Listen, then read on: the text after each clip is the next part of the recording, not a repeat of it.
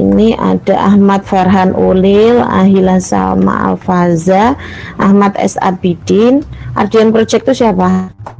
Azanurus, Chandra W, Desi Fitria, De- Oh, Dea Oktaviana, Gita Maulidina, Haris Muhammad, Hilmi Nurdava, Imam Syafi'i, Itanis Fiatul, Olifatun Nisa, Ma'ruf Amin, Muhammad Febrian, Rada Kumala Sifa, Rahmat Kamal Davik, Rizka Fiah Mawanti, Rizky Mafiro, Rodiatun, Santi Puspita, Selva Ayu Fauzul Muna, Siska Ayu, Syafira R, Umu Latifah, Vivi Rima, Wulan Agustin, Yusuf Falahi tadi ya.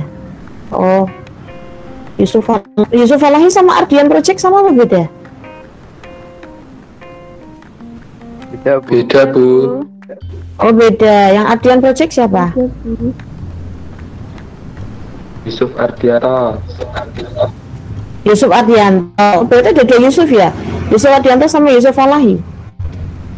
ya Bu Oh oke. Semoga as, semoga benar tapi apa? kembar Oh kembar. Nah, oke. Oke. Jadi pertemuan pertama eh, pertemuan pertama tentu, saja PS dan kontra adalah sama itu. Kemudian pertemuan kedua ini kemarin tentang konsep-konsep dalam media massa. Eh sorry, konsep-konsep dalam komunikasi massa. Jadi saya pakai bukunya Dennis McQuell.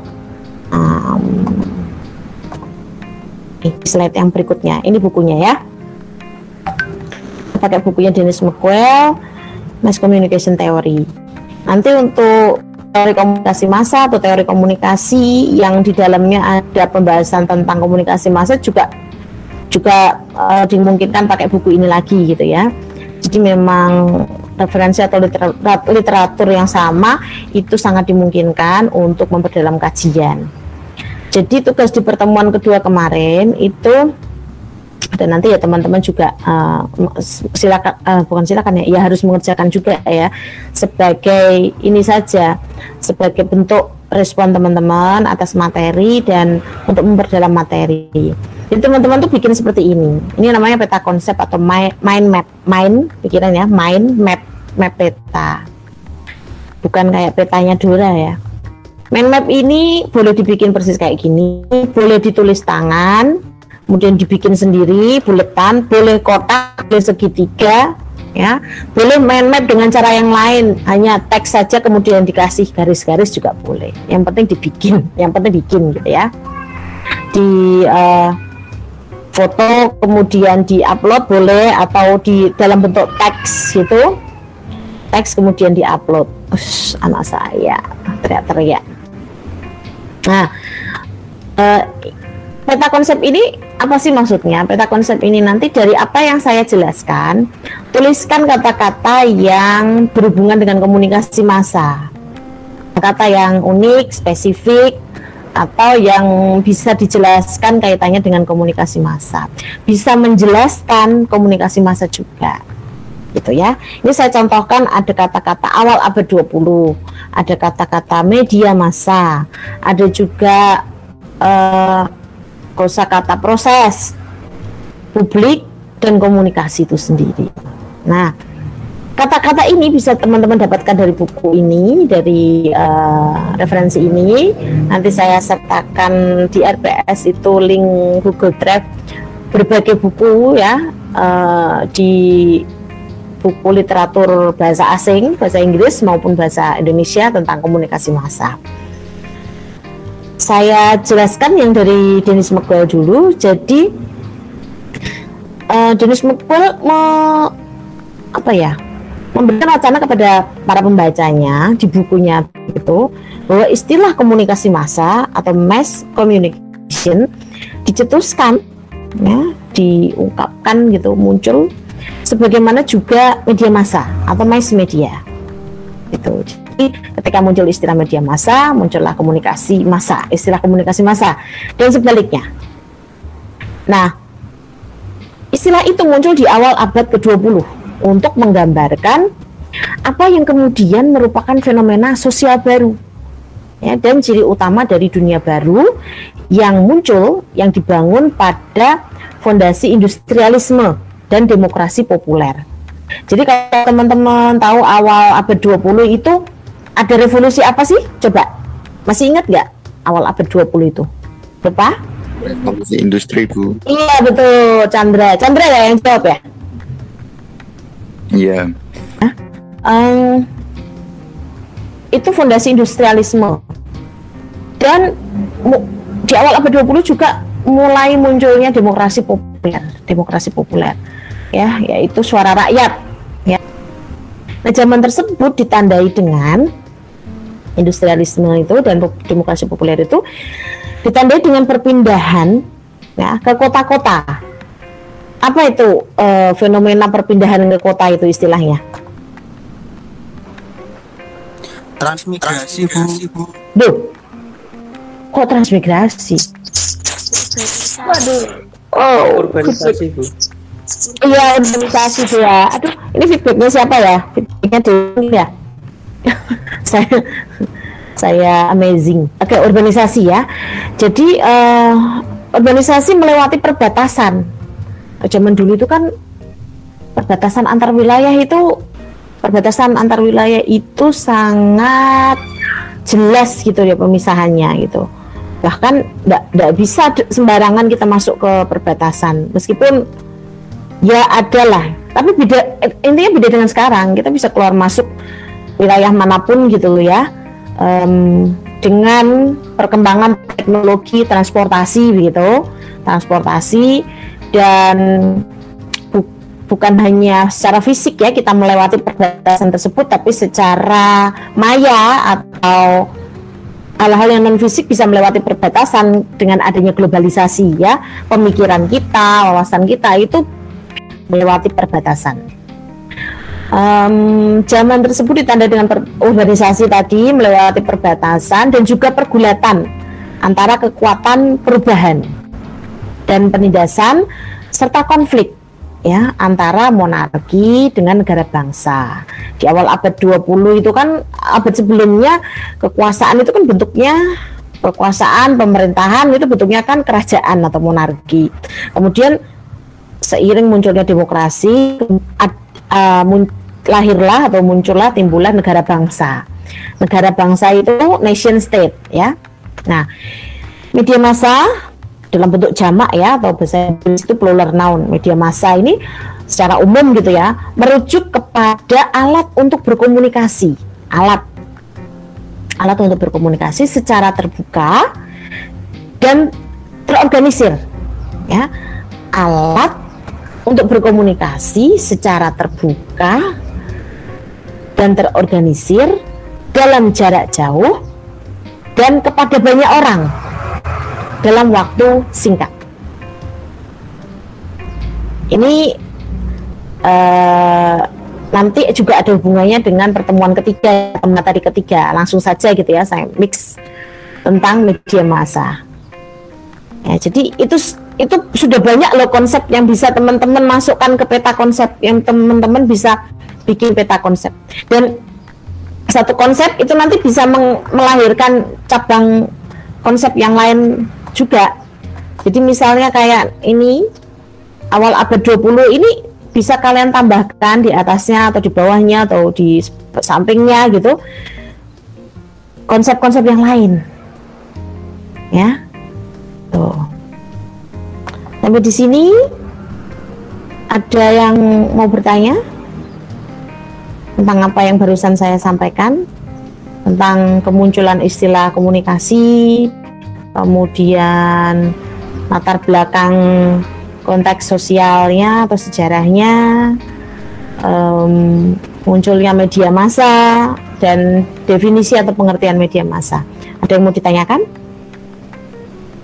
Kalau ada silakan diketikkan di chat ya atau di eh, langsung saja saya diinterupsi tidak apa-apa ya daripada nanti memperlama waktu dan jadi media massa itu lahir dalam konteks ya.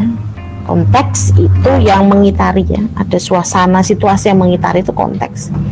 Dan konflik di era peralihan. Awal abad 20 itu, awal abad 20 itu dalam sejarah di disebutkan sebagai periode peralihan. Dan secara terus-menerus ya dihubungkan dengan tren. Sampai saat ini gitu. Jadi kemunculan media massa itu selalu ada konteksnya, enggak, enggak kemudian tiba-tiba muncul sendiri gitu, mak bedunduk nongol, enggak. Itu ada konteksnya. Ya tadi awal abad 20 itu kan konteksnya kan revolusi industri. Penemuan berbagai macam mesin yang kemudian melahirkan media massa. Eh, dihubungkan dengan tren dan perubahan masyarakat otomatis. Media massa itu merubah kondisi masyarakat. Komunikasi massa pun juga muncul akibat perubahan tersebut dan sebaliknya media massa muncul pun akibat eh, apa ya akibat perubahan masyarakat dalam berinteraksi yang tidak lagi berinteraksi secara individu tapi membutuhkan interaksi eh, secara komunal jamak dengan orang banyak gitu ya. Dalam waktu singkat meskipun orangnya berjauhan. Dan media massa juga dihubungkan selain dengan tren ya tadi perubahan masyarakat juga dihubungkan dengan budaya. Seperti yang dialami pada tingkat personal maupun e, masyarakat bahkan sistem dunia. Tuh ya. Jadi bisa teman-teman lihat ya saling keterhubungannya antara media e, tren budaya perubahan masyarakat. Itu saling berhubungan. Nah, masuk kita masuk ke media. Media masa awal, aduh, media masa awal ya, itu di antaranya surat kabar, majalah, buku, buku termasuk media massa, um, radio, TV, film. Itu berkembang dengan pesat hingga menjadi seperti yang kita kenali bentuknya pada saat ini dengan perubahan utama pada skala dan diversifikasi. Jadi koran dari awal kemunculannya sampai sekarang masih namanya koran, cuman bentuknya beda-beda. Kalau koran zaman dulu bentuknya seperti apa, e, Mbak Rizky? Koran zaman dulu tuh atau kira-kira koran pada awalnya?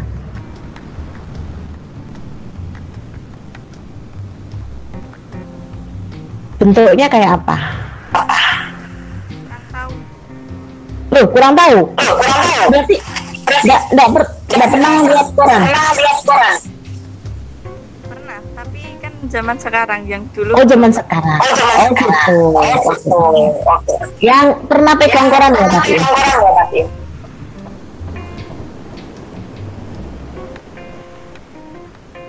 Rizky pernah pegang koran? Oh, dimatiin.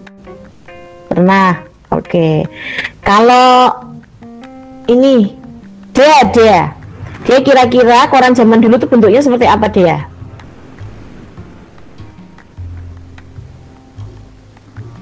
Mungkin sama seperti sekarang, Bu. Mungkin sama seperti sekarang. Oke. Okay. Ya, ya. Sama seperti sekarang tuh kayak apa bentuknya? Apa Ahila? selembaran ya orang Apa Ahila? Selembaran Lembaran, lembaran kertas gitu ya. Iya, jadi zaman dulu sejak awal uh, kemunculan surat kabar ya, newspaper, surat kabar, news itu kabar atau berita, paper itu kertas atau surat. Ya. Kalau koran itu bahasa Belanda ya. Bukan Quran ya, beda koran dengan Quran. Ini saya yakin semuanya sudah pernah baca Quran, tapi saya juga yakin ada yang belum pernah baca koran. Bahkan pegang juga mungkin ada yang belum pernah pegang koran.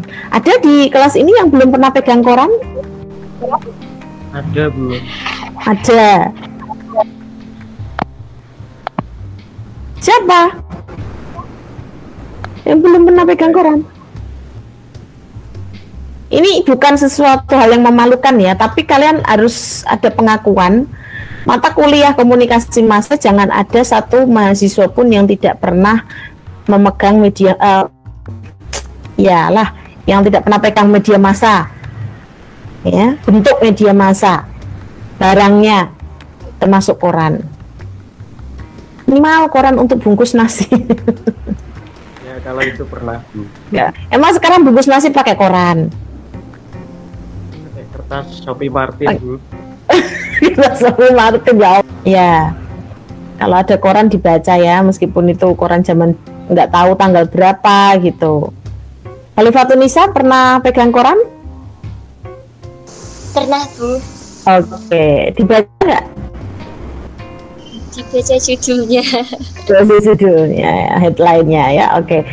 Eh, tadi sampai mana saya kok sampai ke koran? Oh ya, koran zaman dulu ya bentuknya media cetak kertas, ya, media cetak atau printed, ya, di kertas. Nyetaknya di kertas. Printed itu bukan print pakai printer. print itu bahasa Inggris ya mesin cetak. Oh ya, tadi itu kan saya ngomongin koran itu bahasa Belanda. Banyak ya istilah di bah- kosakata bahasa Indonesia yang merupakan kata serapan dari bahasa asing. Baik itu bahasa asing itu bahasa Inggris, bahasa Belanda, bahasa Arab, ya. Ada juga bahasa lokal atau bahasa daerah yang kemudian diserap oleh bahasa nasional bahasa nasional bahasa Indonesia koran, kado, kado itu bahasa Belanda loh. Oke, eh jadi koran zaman dulu seperti itu. Nah, kalau koran zaman sekarang kira-kira seperti apa? Eh kita Maulidina, kita mana kita? Nggak diaktifkan videonya, kenapa di kita? Tadi yang WA saya apa ya? Yang WA tadi siapa ya? Oh, bukan kita kita dulu. Kok nggak diaktifkan videonya? Belum mandi. Alah, sak wis toh, enggak apa-apa. Sama aja kamu udah mandi sama belum tuh. Burik. Tetap lebih cantik saya. Diaktifkan saja videonya. Belum pakai jilbab, pakai mukena. Enak toh? Jangan, jangan pakai helm. Lah itu, malah batu etok. Us batu etok, batu erak ndak ada kelihatan bekas sujudnya. Eh, kita Yap. kalau koran kalau koran zaman dulu itu kan berupa media media cetak di kertas ya. Kalau koran zaman sekarang bentuknya seperti apa kita? Itu yang kayak eh, digital gitu bu. Iya, digital. Betul sekali, koran Digital digital. bu. Iya, betul. Jadi media masa awal ya itu berkembang pesat hingga menjadi seperti yang saat ini kita kenali bentuknya dengan perubahannya pada skala. Kalau zaman dulu koran cetaknya itu mungkin hanya satu lembar. Semakin bertambah tahun lembarannya nambah banyak ya. Terutama perusahaan surat kabar yang eh, yang levelnya sudah besar itu semakin tebal, semakin lebar. Kemudian sekarang semakin mengecil, mengecil lagi dan berdiversifikasi, meragamkan dirinya, tidak sekedar koran dalam bentuk cetak, tapi koran digital. Itu begitu juga dengan majalah, film, film zaman dulu itu nanti ditanya bapak ibunya itu layarnya layar tancap yang pitanya juga panjang dan berat layarnya pakai kain besar. Kalau zaman sekarang kita nonton film kayak dengan cara apa? Kalian kalau nonton siapa? Ini yang Sufi ini Haris Muhammad ini Sufi. Wis kamu kalau nonton film caranya gimana Riz? di aplikasi ya pakai HP ya kalau Chandra pernah nggak ngalamin nonton film pakai CD, compact disc atau DVD? Nggak pernah. Udah nggak pernah, berarti su- pernah pernah ya, pernah pernah Pernah dulu. pernah dulu ya, sempat pernah ya, sempat pernah. Nah itu, jadi yang saya yang dikatakan oleh Dennis McQuell, jadi ini ini ini penjelasan di bukunya Dennis McQuell ya, diversifikasi. Eh, ditambah dengan munculnya, jadi media masa awal itu eh, munculnya televisi itu pada pertengahan abad ke-20 gitu ya. Nah, secara serupa apa yang kita anggap sebagai ciri utama dari komunikasi massa itu pada puluhan tahun yang lalu itu masih sama sebetulnya sebagaimana yang uh, kita anggap saat ini. Jadi ciri komunikasi massa yaitu yang pertama kemampuan kemampuan uh, media massa. Baik media massa awal pertama ditemukan hingga sekarang ya kemampuan media massa untuk menjangkau seluruh populasi dengan cepat. Ya kemampuan media massa untuk menjangkau seluruh populasi dengan cepat. Dan dengan informasi opini dan hiburan yang sama ya ini ini adalah materi pertemuan kedua dan ketiga ya saya mix sekalian Kemudian ciri berikutnya dari komunikasi massa sejak dulu sampai sekarang itu ketakjuban universal yang sama. Ada? Iya, pernah. Pernah? Kenapa? Belum tak tanya udah pernah. Berarti ngikutin ini. Itu yang Pak, Pak anak kecil yang terus. Waktu kecil? Heeh. Desi, Desi Fitria. Makasih ya Rada ya. Ya, makasih tadi semuanya yang mau merespon pertanyaan saya. Desi. Des. Halo Des. Ya, ya. Nonton TV nggak Des? Suka nonton TV nggak? Suka. Eh, nonton Ikatan Cinta nggak? Dulu Bu, sekarang enggak. Enggak. Oke, setidaknya tahu nggak ada saya yang paling lucu dari sinetron itu adalah respon para penonton. Tahu Ya. kan respon para penonton? Ada nggak yang menarik gitu yang berhubungan dengan ketakjuban ketakjuban orang gitu terhadap media massa? Ada.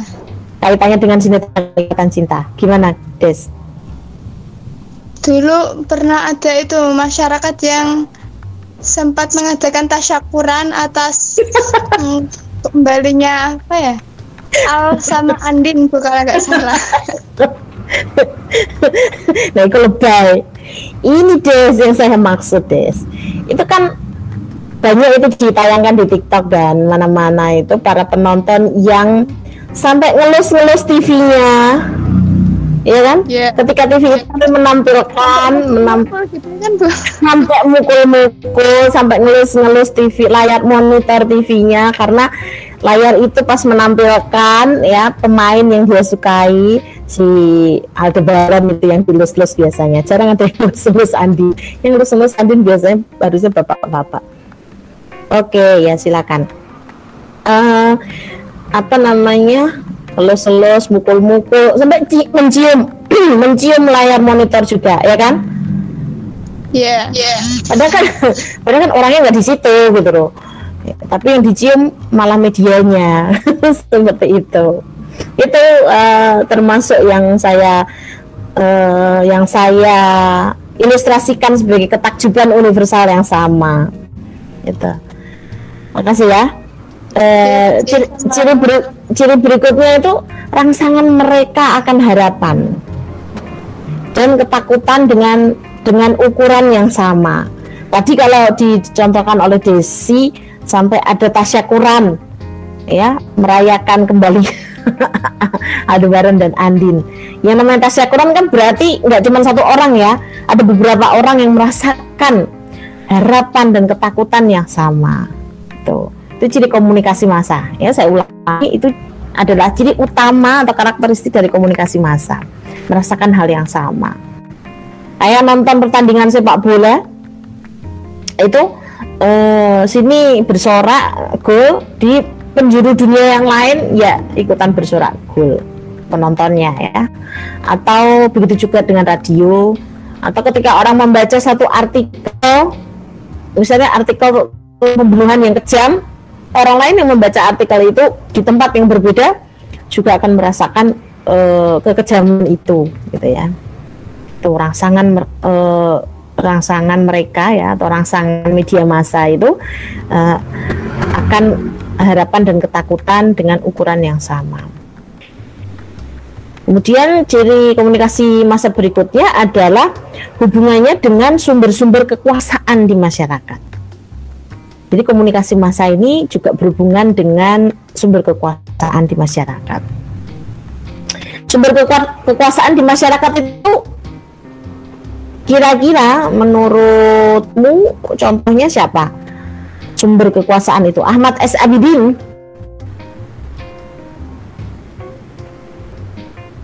Ahmad S. Abidin Iya Bu.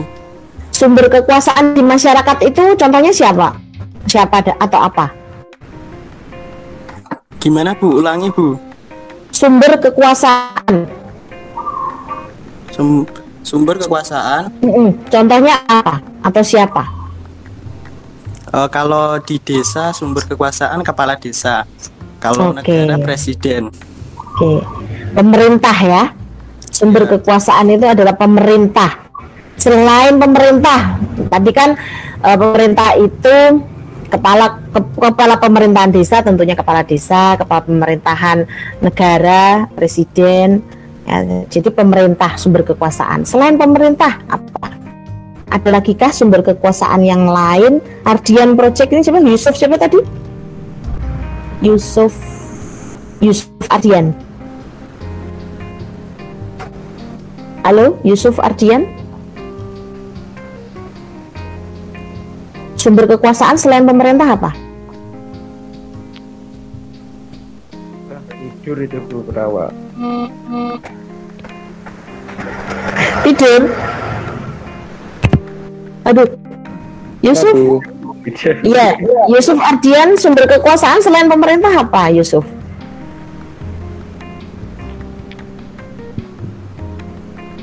agama bu Pemuka agama boleh, boleh. Boleh ya, kalangan agama, kalangan religius betul sekali. Boleh. Selain pemerintah, kalangan religius atau pemuka agama, Itan Swiatul mungkin bisa menambahkan sumber kekuasaan yang lain. Oh, siapa ini yang ngacung? Itanis Fiatul, iya.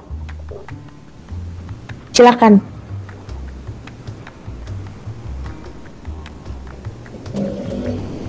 Ita? Iya Bu.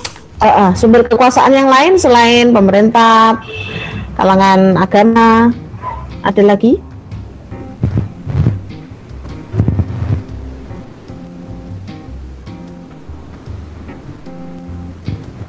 Ada lagi kah? Atau yang lain yang mau silakan me- me- berkomentar. Sumber kekuasaan yang lain. Rahmat Kamal mungkin?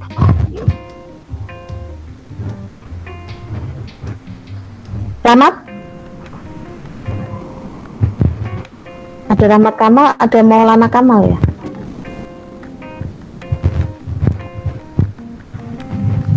Yusuf Ardian mau komentar? Kok masih mau ini bersuara? Terus saya mute aja ya. Iya. Yang lain? Atau Imam Syafi'i? Tak, tak pikir matiin video terus mandi kamu Imam tadi. Masih stay tune ya ternyata. Setia kamu. Bagus. Setia itu mahal. Bukan buat mereka yang murahan. Ya. Masya Allah. Iya. Luar biasa memang. Imam, ke kekuasaan, sumber kekuasaan tadi selain pemerintah, kalangan agama terus ada lagi kah? yang punya uang bu Iya betul. Pemilik modal, kapitalis, ya, penguasa ekonomi, gitu. Betul sekali. Nah, sih simpel kan ya. Jadi eh, jangan-jangan karena simpel jadi nggak perlu saya ini sampaikan ini. Tapi harus disampaikan ya. Karena tak kasih bu- bukunya pun iya kan? Silakan siapa yang mau nanya? Sumber saya Haris iya apa Haris sumber kekuasaan Kayak keluarga itu bisa gak bu? Contohnya ayah bu. ini kaitannya dengan komunikasi massa ya Oh, ya oh iya iya. kaitannya dengan komunikasi massa dengan media massa sehingga itu agak kurang tepat meski meskipun pada prakteknya keluarga juga bisa mengendalikan media massa yang kalian konsumsi ya. Tapi kan eh, hanya internal eh, pengendalian itu kontrol itu atau pengendalian itu kan hanya internal di keluarga kalian saja. Misalnya kayak saya. Ya sebentar.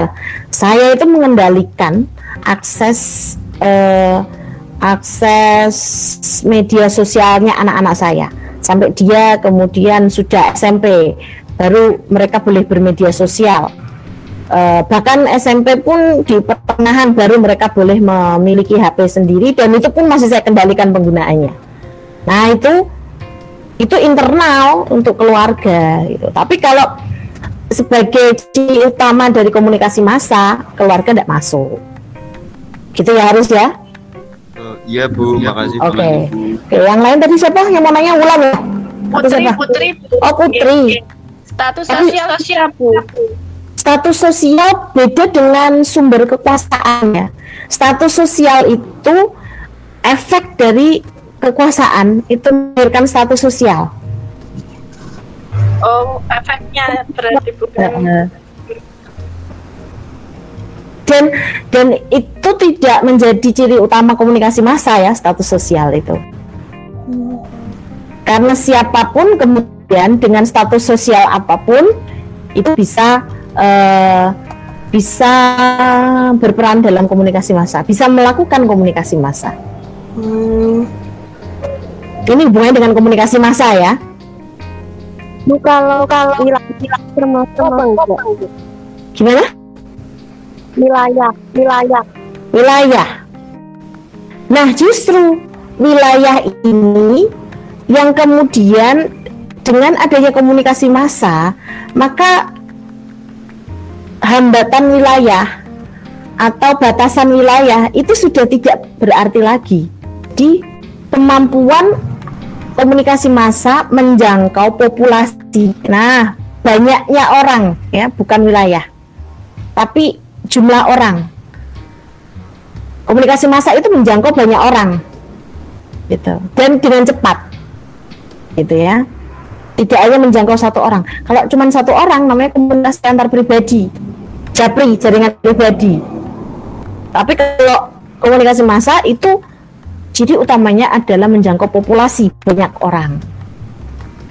Eh, informasi, opini itu ciri utamanya komunikasi massa, kemudian hiburan yang sama. Oh, efek atau dampak pengaruhnya besar.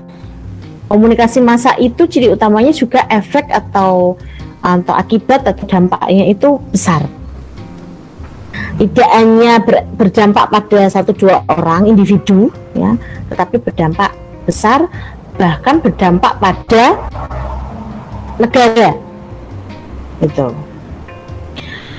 Tentu saja ya ada banyak perubahan ya dalam spektrum ketersediaan media massa ya dalam banyak aspek mencakup bentuk. Ya tadi sudah saya ilustrasikan koran zaman dulu beda dengan sekarang radio zaman dulu ada perubahannya dengan zaman sekarang.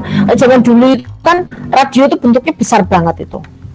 Kayak lemari satu buffet gitu lemari yang tanggung. Sekarang radio ada dalam genggaman teman-teman ya. begitu juga TV TV juga dulu tabung besar sekarang bukan tabung tapi layar ya. Layar letron gitu ya. Bentuk dan isinya juga beda-beda. Kalau zaman dulu isinya ya oh hanya beberapa tema saja gitu ya. Berita pun beberapa bentuk. Berita pun be- berita yang dibacakan ya. Kalau sekarang itu kan berita sudah banyak ragamnya. Tema tontonan tema acara radio tema tema artikel, kalau media cetak itu juga sudah bervariasi. Nah, kita perlu paham bahwa komunikasi massa itu tidak lagi satu-satunya eh, apa ya alat nah, atau atau komunikasi massa itu bukan kemudian sekarang satu-satunya komunikasi dalam bentuk global karena ada teknologi yang sudah mulai berkembang kemudian ada tambahan teknologi jaringan ya. Jaringan. Hmm, jadi komunikasi dalam artian skala besar itu kontennya konten publik. Mengarahnya juga satu arah dari penguasa ke publik dari pemerintah ke publik. Nah alur seperti ini sekarang tidak lagi hanya dimiliki oleh media mainstream atau media tradisional atau media zaman dulu ya. Saat ini eh, komunikasi massa itu kontennya sudah bukan konten publik. Konten private kemudian menjadi konten publik ya kan? Konten private kemudian menjadi konten publik dan uh, alur komunikasi itu tidak satu arah lagi dari penguasa kepada halayak atau publik atau dari pembuat informasi, penulis, produser program ke pembaca, penonton, pendengar tidak lagi seperti itu. Ya, tapi uh, sebaliknya ada alur yang kemudian timbal balik, interaktif. Pembaca penonton, pendengar itu bisa kemudian mengirimkan respon atau feedback atau umpan balik sehingga alur komunikasi itu tidak lagi satu arah, dua arah, bahkan banyak arah. bahkan lagi tak terarah. Chaos pokoknya. Iya kan? Nah, perbedaan utamanya itu pada karakteristiknya yang, yang lebih luas jangkauannya. Kemudian menjadi sekarang tuh menjadi kurang terstruktur. Kalau zaman dulu kita bisa tahu strukturnya. Ini pesan siapa yang mengeluarkan, mau siapa yang menyampaikan pesan, komunikatornya itu kita jelas. Komunikan penerima pesannya jelas. Medianya, media apa juga kita bisa mengidentifikasinya. Kalau sekarang sudah nggak jelas lagi komunikatornya siapa. Pesan itu sudah, apalagi pesan viral itu, informasi viral itu sudah, aduh, ini informasi siapa yang awalnya nulis, yang bikin, sampai ke siapa, gitu. kurang terstruktur. Dan tadi interaktif ya, interaktif Nah, bagaimanapun perubahan yang terjadi, signifikansi media massa dalam masyarakat kontemporer itu sudah tidak diragukan lagi. Signifikansi itu pentingnya atau manfaatnya, manfaat media massa di masyarakat saat ini tuh jelas lah ya. Keberadaannya itu sudah jelas. Baik dalam uh, keseharian ya, kehidupan sosial, politik, ekonomi gitu. Bahkan kalau dalam dalam di, kalau di dunia politik itu media massa itu menjadi arena debat ya. Arena debat arena perdebatan. Uh, media massa dengan uh, media massa sebagai alatnya dan komunikasi massa sebagai tindakannya prosesnya itu menjadi alat bagi para politisi, kelompok kepentingan, pemerintah untuk melakukan publisitas dan publisitas itu dalam rangka apa? Dalam rangka menanamkan pengaruh, menguatkan pengaruh, merebut pengaruh. Itu kalau di bidang politik, ya. Jadi di bidang politik itu komunikasi massa itu menjadi media massa, ya.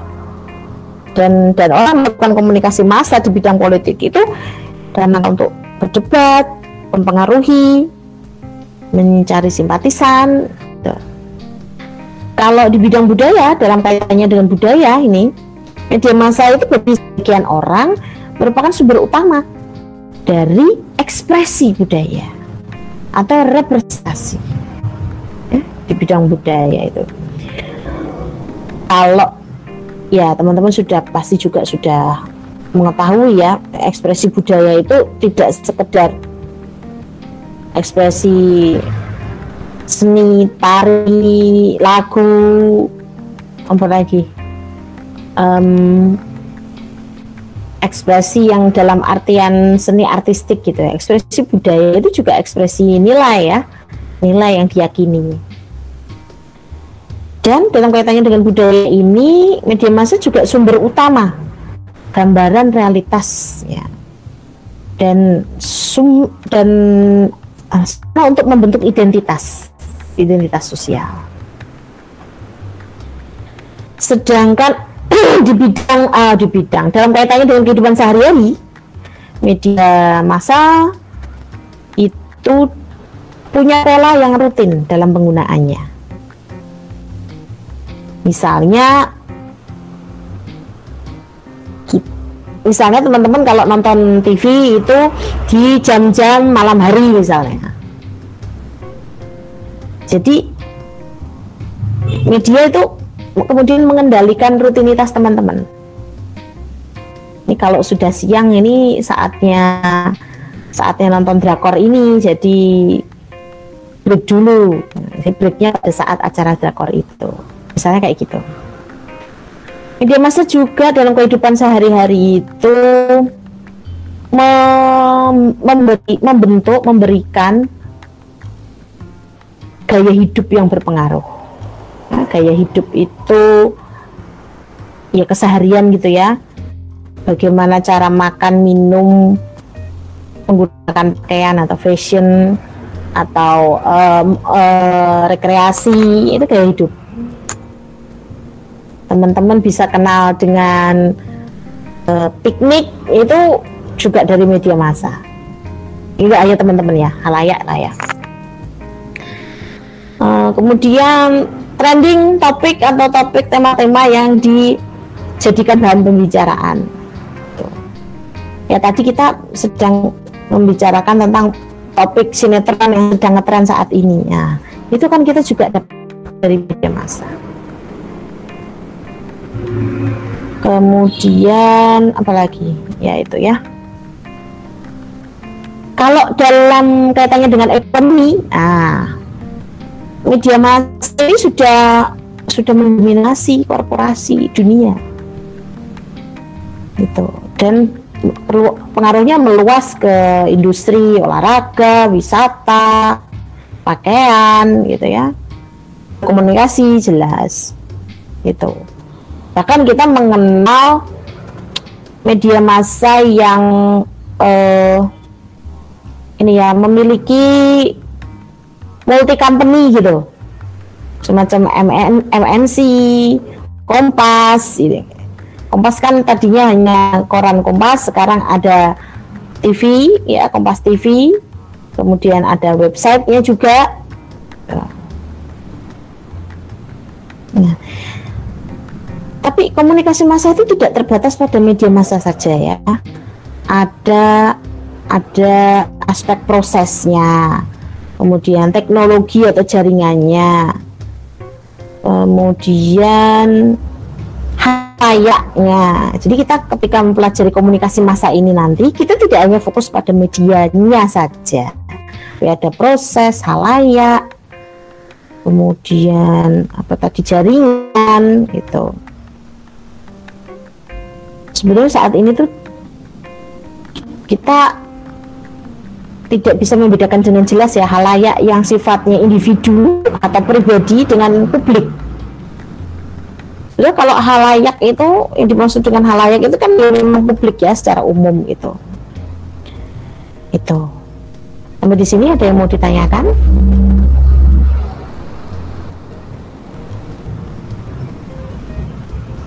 Bu, izin bertanya. Iya, silakan. Eh, itu nanti membuat main mapnya itu satu satu bahasan yang ada di lingkaran itu atau semuanya, Bu? Dari yang tadi saya jelaskan, itu kata-kata yang merujuk pada komunikasi massa. Masukkanlah mind map. Masukkanlah eh, masukkanlah mind buatlah mind map. Jadi bebas bikinnya seperti apa. Yang penting anda itu paham dengan apa yang ditul- anda tuliskan Berarti sesuai kreasi ya, Bu? iya tapi berdasar Iya, tapi berdasarkan yang tadi saya jelaskan ya, berdasarkan yang tadi saya jelaskan. Kalau nanti eh, kalau banyak yang miss, nanti bisa dilihat videonya lagi, atau bisa dibaca Dennis buku Dennis Dennis McQuail-nya. Bisa di download sendiri atau nanti di RPS yang saya upload. Tadi kan saya mau melengkapi V-Class, ternyata sampai jamnya juga belum selesai untuk sampai ke bawah ya. Saya buatkan jadwal zoomnya juga. Itu. Nah, yang berikutnya saya ke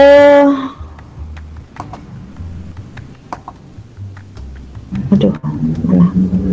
Nah, ini, ini contohnya kalau media massa ya.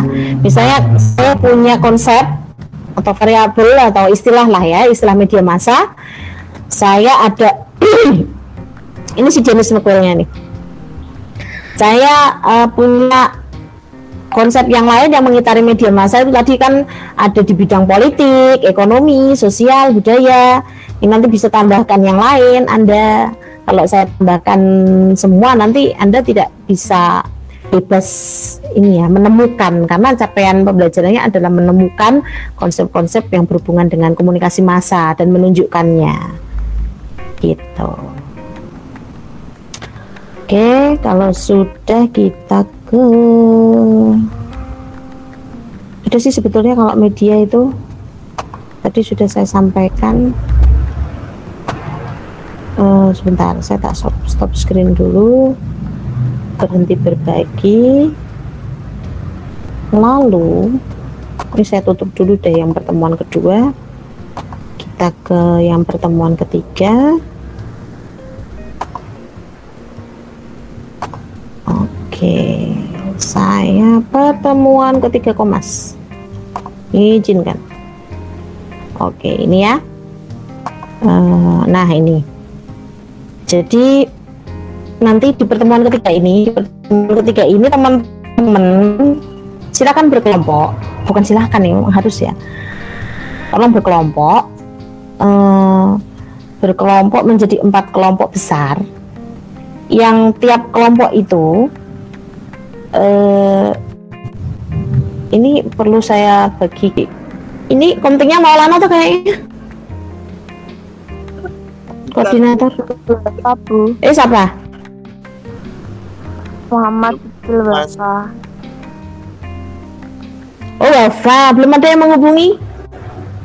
Wafa Eh, sampai sekarang belum Bu. ya seringnya itu cemburunya skripsinya anak KPI itu dari komunikasi massa ini sebetulnya bisa dari komunikasi yang lain juga komunikasi kelompok antar pribadi organisasi itu bisa. Cenderungnya komunikasi massa. Komunikasi massa itu ah ya tadi tugasnya ya ada yang ada dua kelompok yang sembilan orang mungkin ya.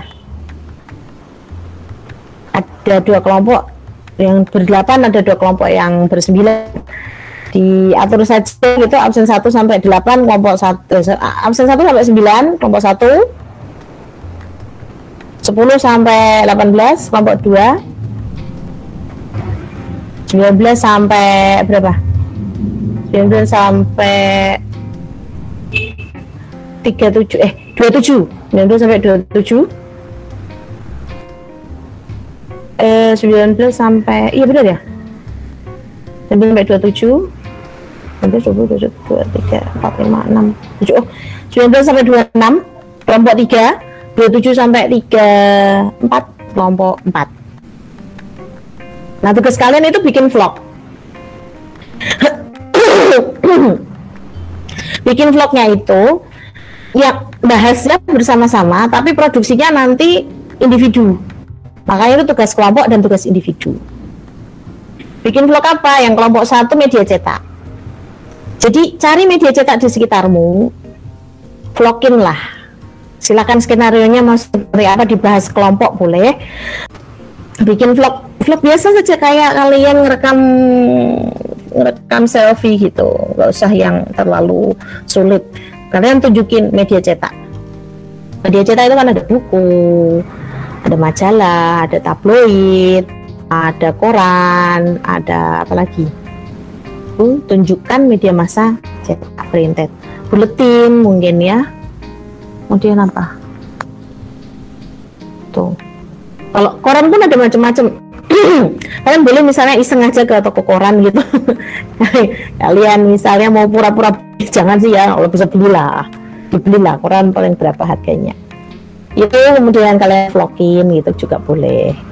Intinya di, di ada dinamika kelompok ya dinamika kelompoknya ya nanti di, di, di anu dituliskan sendiri di dalam logbook gitu ya. Misalnya tanggal tanggal berapa ketemuan kelompok membahas kelompok ketemuannya virtual aja. Virtual atau uh, grup call gitu. Eh grup call ya maksimal 8 ya. Nanti yang satu orang terus gimana? Yang satu orang barengan lah dengan yang lainnya. Satu orang nggak usah. Satu orang nggak usah ya satu orang barengan dengan yang lainnya gitu. Di didokumentasikan aktivitas kelompoknya ya menjadi satu laporan kelompok nanti. Nah, jadi vlognya itu per individu, tapi aktivitas membahas kelompoknya itu dibahas bersama. Jadi bisa uh, bisa saja nanti kalian pinjaman media cetak karena tidak punya sehingga uh, apa buat biar bisa ngevlog sendiri gitu. Seperti biasa rekamannya simpanlah di Google Drive yang bisa dibuka ya, jangan di protect, jangan dikunci. URL-nya yang diupload ke Vclass. Itu ya. Gimana paham enggak? uh, izin bertanya Bu. Apa nih mau bertanya nih? Dari Fatunisa, silakan mau nanya apa? Uh, karakteristik media massa itu relevan sama ada hubungannya dengan karakteristik komunikasi massa. Sedangkan komunikasi massa itu komunikannya itu bukan individu. Kalau undangan pernikahan kan sifatnya kan individu ya.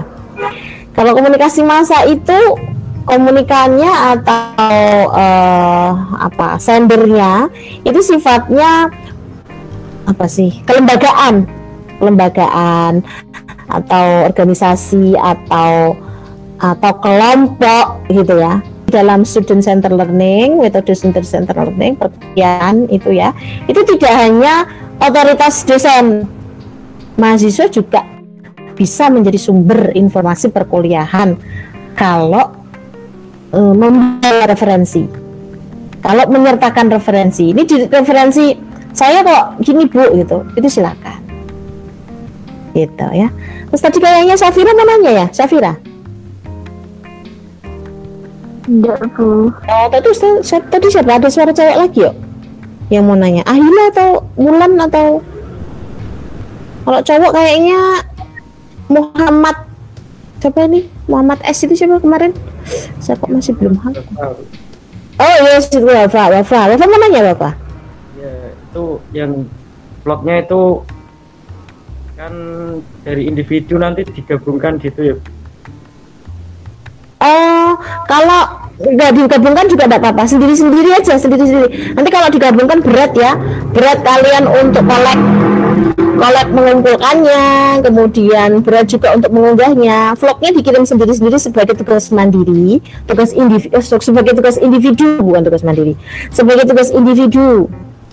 Nah, kelompoknya itu dinamika kelompok itu kalian catat logbook uh, dalam bentuk catatan hari tanggal berapa, kapan, di mana, melalui media apa bertemu untuk membahas kelompok, terus hasil diskusinya apa itu didokumentasikan berupa foto, video gitu sehingga eh, itu jadi menarik nanti ya. Oh, ternyata kelompok ini kayak gini gitu. Siap, siap, siap. Terima kasih. Anu ya, sudah ada gambaran ya dan jangan mempersulit diri. Jangan terus kemudian wah ini harus ketemu ini nggak bisa nih kalau nggak ketemu. Terus nanti pakai alasan mengerjakan tugasnya Bu Primi ya saya jadi gunakan bahkan misalnya kalian bikin WhatsApp grup sendiri sebagai untuk oh, medianya chat saja gitu nggak apa-apa. Kalau memang harus dalam bentuk chat karena nanti bisa di screenshot chatnya atau divideokan layarnya juga bisa layar layar obrolannya layar chatnya. Jadi Jadi Eh, kalau- new Ah ya, jadi kelompok dua, yang kelompok dua itu audio ya, radio, audio itu radio, radio boleh, musik rekaman boleh kan, atau musik musik gitu. Misalnya apa ya, eh ya media dengar, media audio. Kemudian kalau audio visual, TV, film, nah itu sudah jelas ya pasti. Yang media ini internet, media sosial, ya tampilkan bagaimana alatnya untuk mengakses internet, apa saja alat untuk mengakses media sosial, bagaimana mengaksesnya itu divlogkan. Gitu. Sebelum eh, saya akhiri, saya mau sedikit menyampaikan tentang tema dan isu dalam komunikasi massa. Di antaranya waktu, ya namanya tentang waktu eh, komunikasi massa itu berlangsung pada waktu dan tempat yang eh, yang tentunya sangat penting ya jadi waktu ini merupakan eh, tema yang penting dalam komunikasi massa selain itu tadi waktu tempat kemudian kekuatan. Ya ada lagi ada tema tentang realitas sosial tentang makna tentang hubungan sebab akibat tentang mediasi identitas dan perbedaan budaya. Kemudian eh, untuk yang di Dennis McQuell itu tadi semuanya bisa anda dapatkan di Dennis McQuell ya. Untuk Dennis McQuell tentang dia ini ada permulaan ya dari permulaan. Media massa dari permulaan begitu. Hingga yang kemudian media, media cetak buku. Hmm, buku itu kan ada banyak ada banyak macamnya ada banyak genrenya. Bisa divlogkan ya nanti kalian. Surat kabar atau koran juga di eh, ada banyak ragamnya koran cetak dan digital film yang audiovisual tadi ya. Film itu juga misalnya nih kalian kalian ada yang pengen jalan-jalan ke bioskop kemudian kalian vlog kan? Sekarang tapi bioskop sudah ada yang tayang belum ya? Itu boleh tapi ya sekali lagi ya jangan kemudian modus gitu. Yuk kita, kita nonton bioskop nanti bilang aja itu kerja kelompok tugasnya Bu Primi ya kalau pengen ke bioskop pengen aja gitu nggak usah pakai alasan tugas saya gitu ya.